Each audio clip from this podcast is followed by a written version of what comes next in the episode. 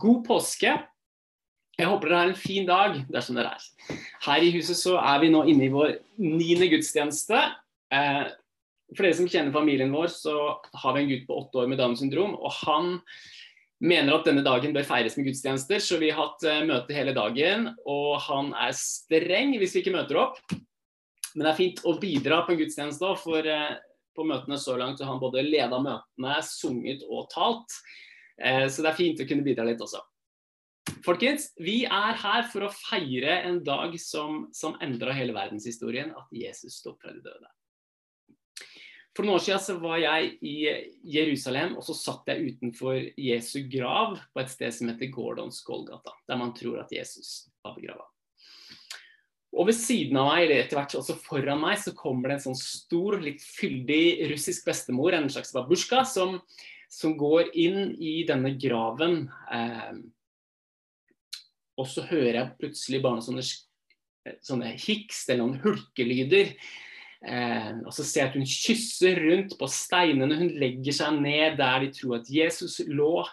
Eh, og så reiser hun seg opp og så begynner hun å danse, og så renner tårene ut av ansiktet. Eh, og når jeg ser den sånn totalt salige gamle dama dansende og hylende rundt i den hagen, så, så går det opp for meg. Så en sånn tanke at vet du hva, dette stedet som jeg sitter på nå, det er det viktigste punktet på verdenskartet. Denne dagen eh, i historien Det finnes ikke en viktigere dag enn når Jesus sto fra det døde for, for oss og for hele verden. Nå er det sånn, eh, som Bård egentlig viste i sitt vitnesbyrd, at det fins ingen oppstandelse uten død. Det fins ingen seier uten at det har vært en kamp. Eh, og jeg kunne ønska at hvis ting hadde vært annerledes, at vi kunne ha fått lov til å gå gjennom tematikken på skjærtorsdag sammen, på langfredag sammen. Og så kommet inn i oppstandelsesdagen med en bevissthet rundt hva mørket er, og bevissthet rundt sorgen og smerten som var i forkant. Men vi skal i dag få å hoppe rett inn i, i påskemorgen, oppstandelsesdagen. Og jeg har lyst til å lese for dere eh, noen vers fra Matteus evangeliet kapittel 28. Og da leser vi fra eh, kapittel 28 fra vers 1 og til og med 10. Sånn her står det der. Da sabbaten var over og det begynte å lysne den første dagen i uken, kom Maria Magdalena og den andre Maria for å se til graven.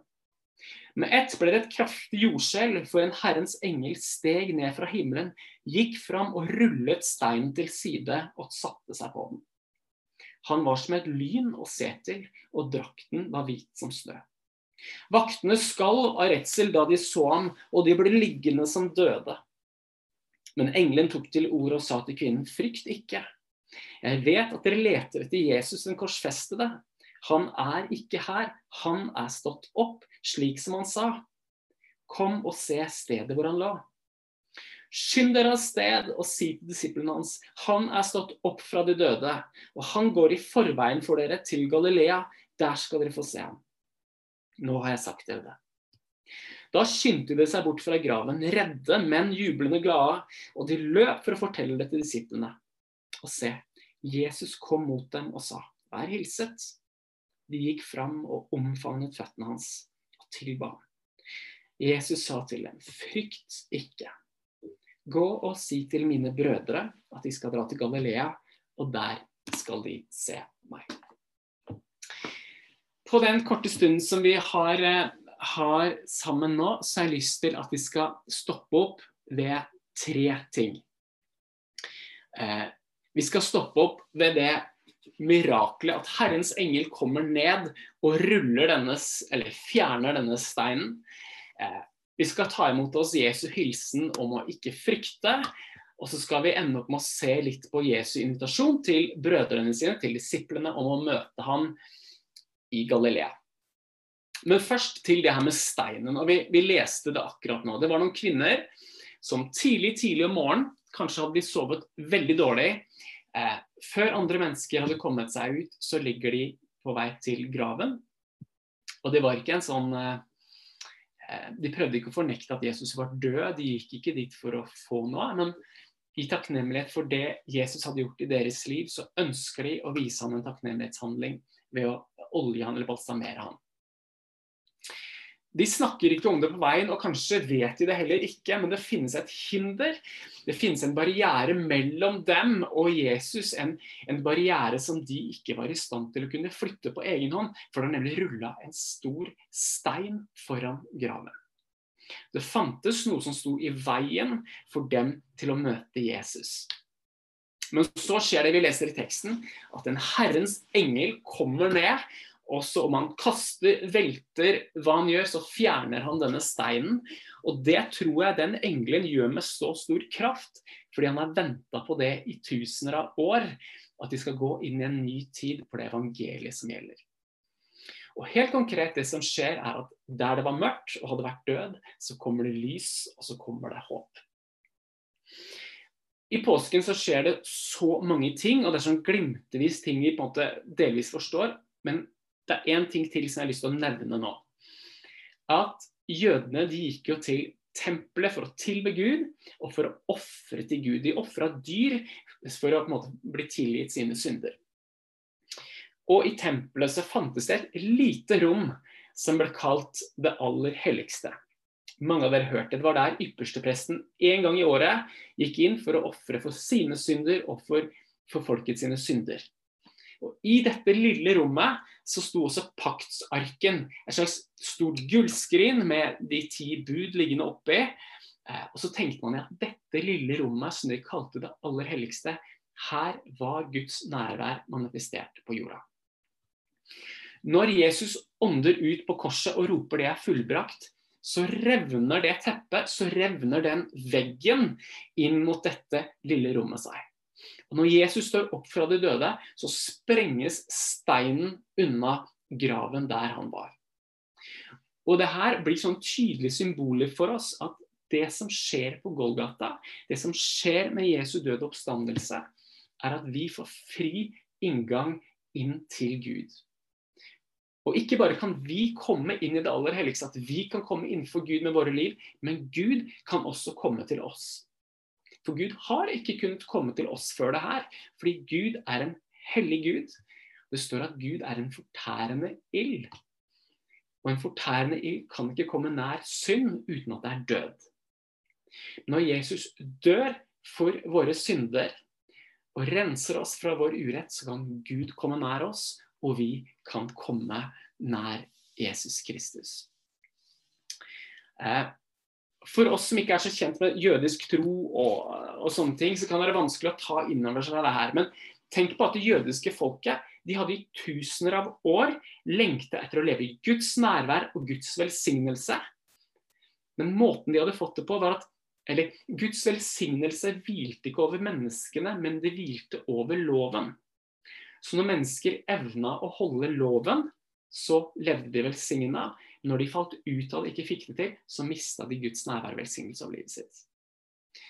Så det som skjer når, når denne steinen fjernes, når dette forhenget i tempelet fjernes, så avslutter Gud det stigespillet hvor vi klatrer litt opp, og så faller ned, klatrer opp, og så faller vi ned. Så sier Gud at i den nye avtalen, i den nye pakten så handler det ikke om at dere skal klare å holde loven for å komme nær meg. At hvis dere tror på meg og tar imot min nåde, så har dere tilgang til meg. Det er fantastisk. Det er det vi kan lære og det vi forstår av at Jesus eller at engelen kommer og velter denne steinen unna. Det vi ikke kunne endre på, det vi ikke kunne klare, det som hindra oss fra fellesskap med Gud, det tar Herrens engel og hiver unna for oss.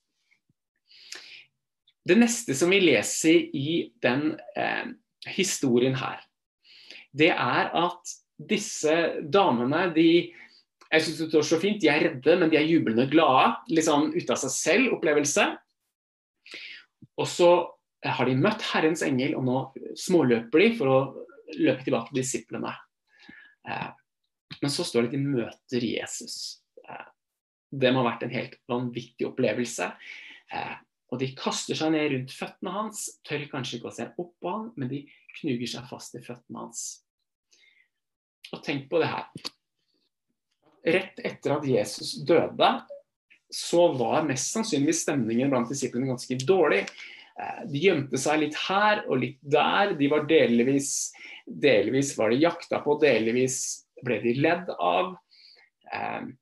De satt der med et kaos av følelser. Hva hadde de brukt livet sitt på? Var det ikke sant?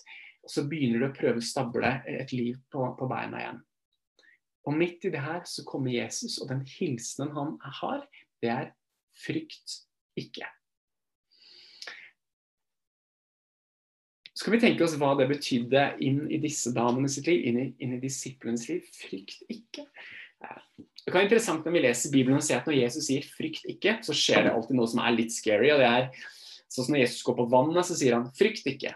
Eh, og når Jesus kommer brasende gjennom en vegg og ikke bruker døra, så sier han 'frykt ikke'. Eh, og nå når han har stått opp fra graven og møter disse i hagen, så sier han 'frykt ikke'. Vi kan ane noe av hva det kan bety inn i deres liv, men vi tror også at Jesu ord er profetiske på den måten at Jesu ord alltid er levende, og at de treffer alle mennesker til, eller kan treffe alle mennesker til alle tider. Så når Jesus sier 'frykt ikke', så sier han det også inn i våre liv i dag. Og hva betyr det for oss? At vi ikke trenger å frykte.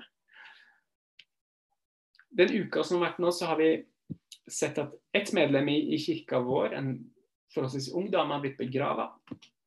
Jeg vet at flere i fellesskapet vårt har mista besteforeldre faktisk den uka som har gått. Eh, vi leser egentlig ikke om noe annet enn pandemi og sykdom rundt oss. Og så sier Gud 'frykt ikke'.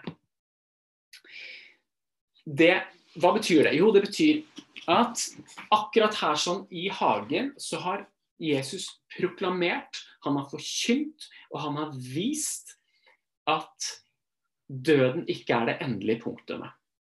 Han forkynner og viser oss at historien ligger i Guds hender, og at det kommer til å komme en lykkelig slutt. Det er ikke sikkert du ser det med dine øyne i det semesteret du er i nå. Det er ikke sikkert du ser det med dine egne øyne i den sesongen du er i livet ditt. Det er ikke engang sikkert at du ser det i det livet du lever her på denne jorda. Men Gud forteller oss at det fins en oppstandelse på slutten av denne historien. Det kommer til å ende godt. Se for deg på korset hvor all ondskap, alt mørke, alle overgrep, alle mord, alle, alt sammen møtes der på korset. Og så dør Jesus. Og så ser det ut som det vi mennesker må forholde oss til, er at det ender med død at det fins ikke håp. Det slutter med en død. Men akkurat der så viser Gud oss at døden det er et komma og ikke et punktum. Det kommer en fest, det kommer, det kommer en, en gjenopprettelse på andre sida. I Filippebrevet kapittel 2 der så skriver Paulus at det skal komme en dag hvor alt og alle må knele ned framfor Gud og se at han er herre, og det skal komme en dag hvor alle ting blir gjenoppretta igjen. Um,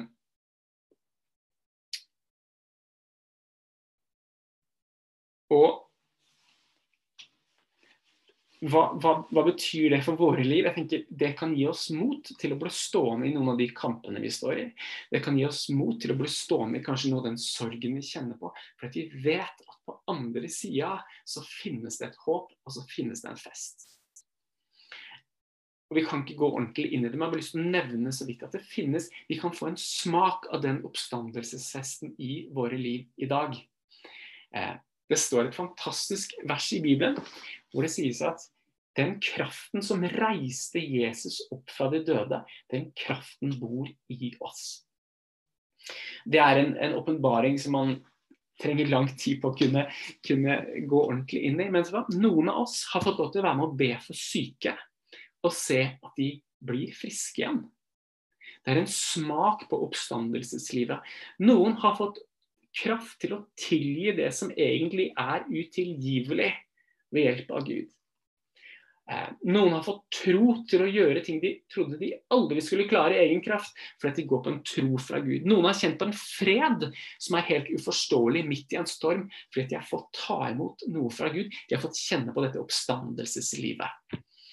Eh, når Jesus sier til oss 'frykt ikke', så betyr det at vi kan få lov til å leve livet vårt uten frykt.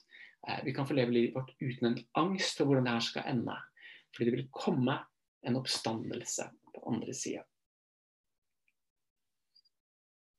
Det står et vers i Romerne 8,28 som vi av og til kanskje tar litt sånn, ikke lett på, men som vi kan bruke som et munnhell av og til. At alt virker til det gode for den som elsker Jesus. Eh, og det er sant, og det kan vi ta inn i mange situasjoner, men det er også et løfte som gjelder inn i døden. At alt virker til det beste for den som elsker Jesus. Og det vil ende godt. Jeg har lyst til å avslutte med det at Jesus det er litt interessant. I denne korte teksten vi leste, så er det sånn både Herrens engel, altså denne engelen som kommer og skaper kaos der, og Jesus har et budskap. De har en invitasjon hvor de sier, vet du hva, gutter, eller fortell disiplene at jeg har lyst til å møte dem. Kom til Galilea, og der vil jeg møte dere. Jesus visste mest sannsynlig at disse karene her satt og gjemte seg, hadde låst dørene omhyggelig. Han visste kanskje at stemningen ikke var så god. Han, han visste hvordan de hadde det. Men så sier han gutter, bryt opp. Eh, vi møtes om ikke lenge. Jeg går i forveien. Kom til Galilea, og så skal jeg møte dere, og så skal vi snakke om planen herfra videre. Og så er det sånn at fra oppstandelsen så går det en bevegelse som starter med at disse gutta, disse disiplene, bryter opp, går til Galilea for å møte Jesus. Og bare noen vers senere her i teksten så får de misjonsbefalingen hva de skal gjøre. Det skjer en kjedereaksjon som starter denne morgenen med at noen disipler var villige til å bryte opp og gå for å møte Jesus. Og den kjedereaksjonen den har verden aldri sett maken til før. For den kjedereaksjonen har brakt evangeliet til hele verden. At noen var villig til å bryte opp fra sitt liv, er grunnen til at du og jeg kjenner Jesus i dag. Noen brøt opp fra landet sitt og dro som misjonærer. Andre brøt opp fra sofaen sin og ble søndagsskolelærere. Andre brøt opp fra sine komfortsoner og, og fortalte naboen vet du hva, det fins en gud. Og så er vi del av en sånn bevegelse som starta den dagen der. Eh, det er også fint å tenke på at den aller første gangen man feira påske eh, Før påsken hadde et kristent innhold. Når jødene feira påske i Det gamle testamentet, eh, så står det at de spiste påskelammet. Også det her var den, den kvelden da, hvor, hvor, de skulle bli fridd fra Egypt. Så sitter de der, de har, de har, et måltid sammen, men de vet at når de hører en alarm, eller når de hører ordet på deg, så sier Moses gå, og da skal vi rømme dette landet. De sitter der og spiser. De vet at de er Guds utvalgte folk. De vet at Gud har en plan for dem, at de er på vei ut i frihet. Men så er det én ting til. De har fått beskjed om at når de skal lage mat nå, så skal de lage brød som ikke trenger å gjæres, som ikke trenger å heve. Fordi de skal være klar når de får et signal om at de må løpe, så skal ikke, de ha, skal ikke de bruke lang tid på å bake et brød som trenger tid. Nei, de skal lage et usyra, et ugjæra brød som det er kjapt å lage og kjapt å ta med seg. De skulle være klare når signalet kom om at de skulle bevege seg. Og så har vi fylt påsken med nytt innhold, men samtidig så er det sant at vi er Guds utvalgte folk. Gud kaller oss sine barn.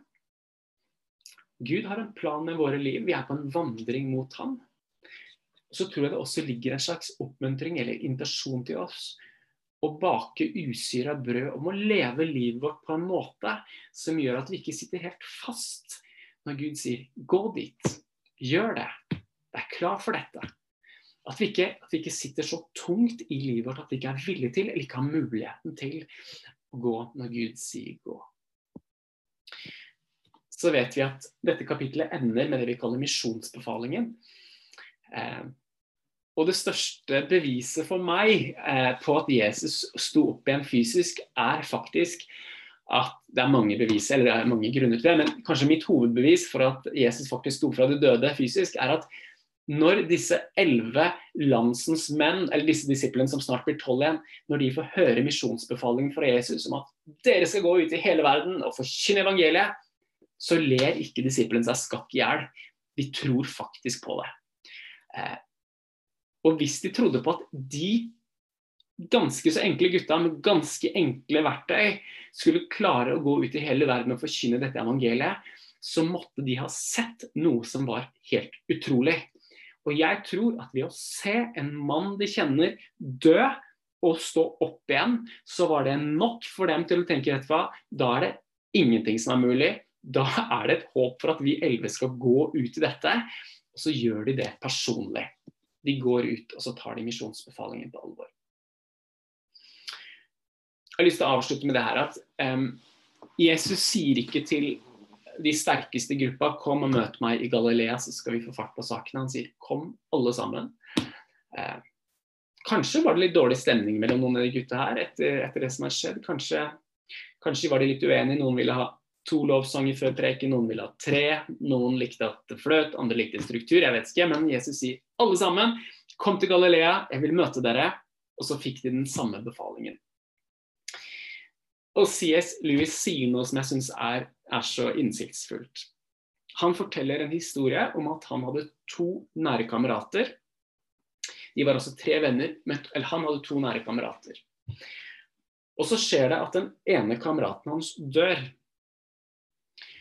Og så forteller han at nå var det kanskje naturlig å tro at han og den gjenlevende vennen, at deres vennskap skulle styrkes, og at eh, at nå skulle i hvert fall de få bruke god tid sammen. sånn og sånn og sånn. Men så forteller han det som skjedde når den, når den avdøde vennen dør, så forandrer vennskapet seg mellom de som er igjen. Fordi at det var sider ved den gjenlevende vennen som ble borte da den tredje døde. Det var sider ved den gjenlevende vennen som bare kom til liv når den tredje vennen var der. Hvis dere skjønner, skjønner hva han sier for noe. Eh, og Det C.S. Lewis prøver å si da videre i resonnementet, er at det kan være fristende for oss å tenke at, at du ingenting ikke har noe å si for mitt gudsliv. Altså, at du som sitter i stua di nå, ikke betyr noe for mitt liv med Gud. Eh, men sånn er det jo ikke. For det er sånn at når du kommer og er nær meg, og forteller hva du har opplevd i Gud. Når Bård forteller sitt vitnesbyrd med Gud, så ser jeg nye ting med Gud. Og du er med å trekke fram, du er med å belyse ting ved Jesus som jeg trenger å se, og som jeg får se fordi du peker på det og gjør det levende for meg. Eh, og det her visste Gud. At for å få et sant bilde av meg, for å, for å leve sammen og klare det oppdraget her, så trenger dere å gå sammen. Eh, jeg har lyst til å avslutte med det og si at dette var vi som kirke, eller alle kristne og vi kollektive som kirke, vi er et sånt folk eh, som har fått lov til å tro at Jesus har stått opp igjen. Vi får lov til å tro at alt elendighet vi har gjort i livet vårt, det har Gud rensa ved at Jesus døde for våre synder. Vi tror at vi kan leve innenfor Guds nærvær. Samtidig tror vi at uansett hvor tøff hverdagen er, uansett hva vi møter i dette livet, så tror vi at det fins et håp, eller vi vet at det finnes en oppstandelse på andre sida, hvor vi kan gi hverandre mot og kraft til å gå gjennom de tøffe tidene i livet vårt. Så tror vi også at det er sånn at Gud har gitt oss en mening med livet vårt. Gud har gitt oss et oppdrag å ta del i. Og så sier han at det skal vi få til å gjøre sammen. Og vi ønsker å være det reisefølget hvor vi gjør dette sammen. Hvor vi minner hverandre om disse sannhetene her, sånn at vi kan gå med styrke, at vi kan gå med tro, at vi kan gjøre det som Gud kaller oss til å gjøre. Jeg skal be en enkel bønn, og så skal vi høre en sang sammen. Eh, og så har jeg bare lyst til å si god påske til dere videre også. Jeg takker deg, Jesus, at akkurat nå så feirer vi og takker vi deg for at du har tatt vår synd, du har rensa oss og gitt oss tilgang innenfor deg. At vi både kan lytte til deg, vi kan prise deg, vi kan ha fellesskap med deg i bønn. Takker jeg Jesus at i alt hva vi møter, så har vi et håp, har en visshet om at det fins en lykkelig slutt, at det fins et håp. Og ikke bare det, men vi tror at du fyller oss med håp. eh, i det livet vi har nå. Og så ber Jesus om nåde over fellesskapet vårt, ja, over alle kristne i landet vårt. at i den tiden her skal vi få lov til å kjenne på fellesskap. Skal vi vite at vi er en gjeng disipler som er kalt av Gud eh, inn i noe, et liv med mening og et liv med retning som han gir oss. Jeg ber om at du er nær oss alle sammen, at du trøster de som trenger trøst, at du oppmuntrer de som trenger oppmuntring, og at du er oss nær alle sammen. Be om i Jesu navn.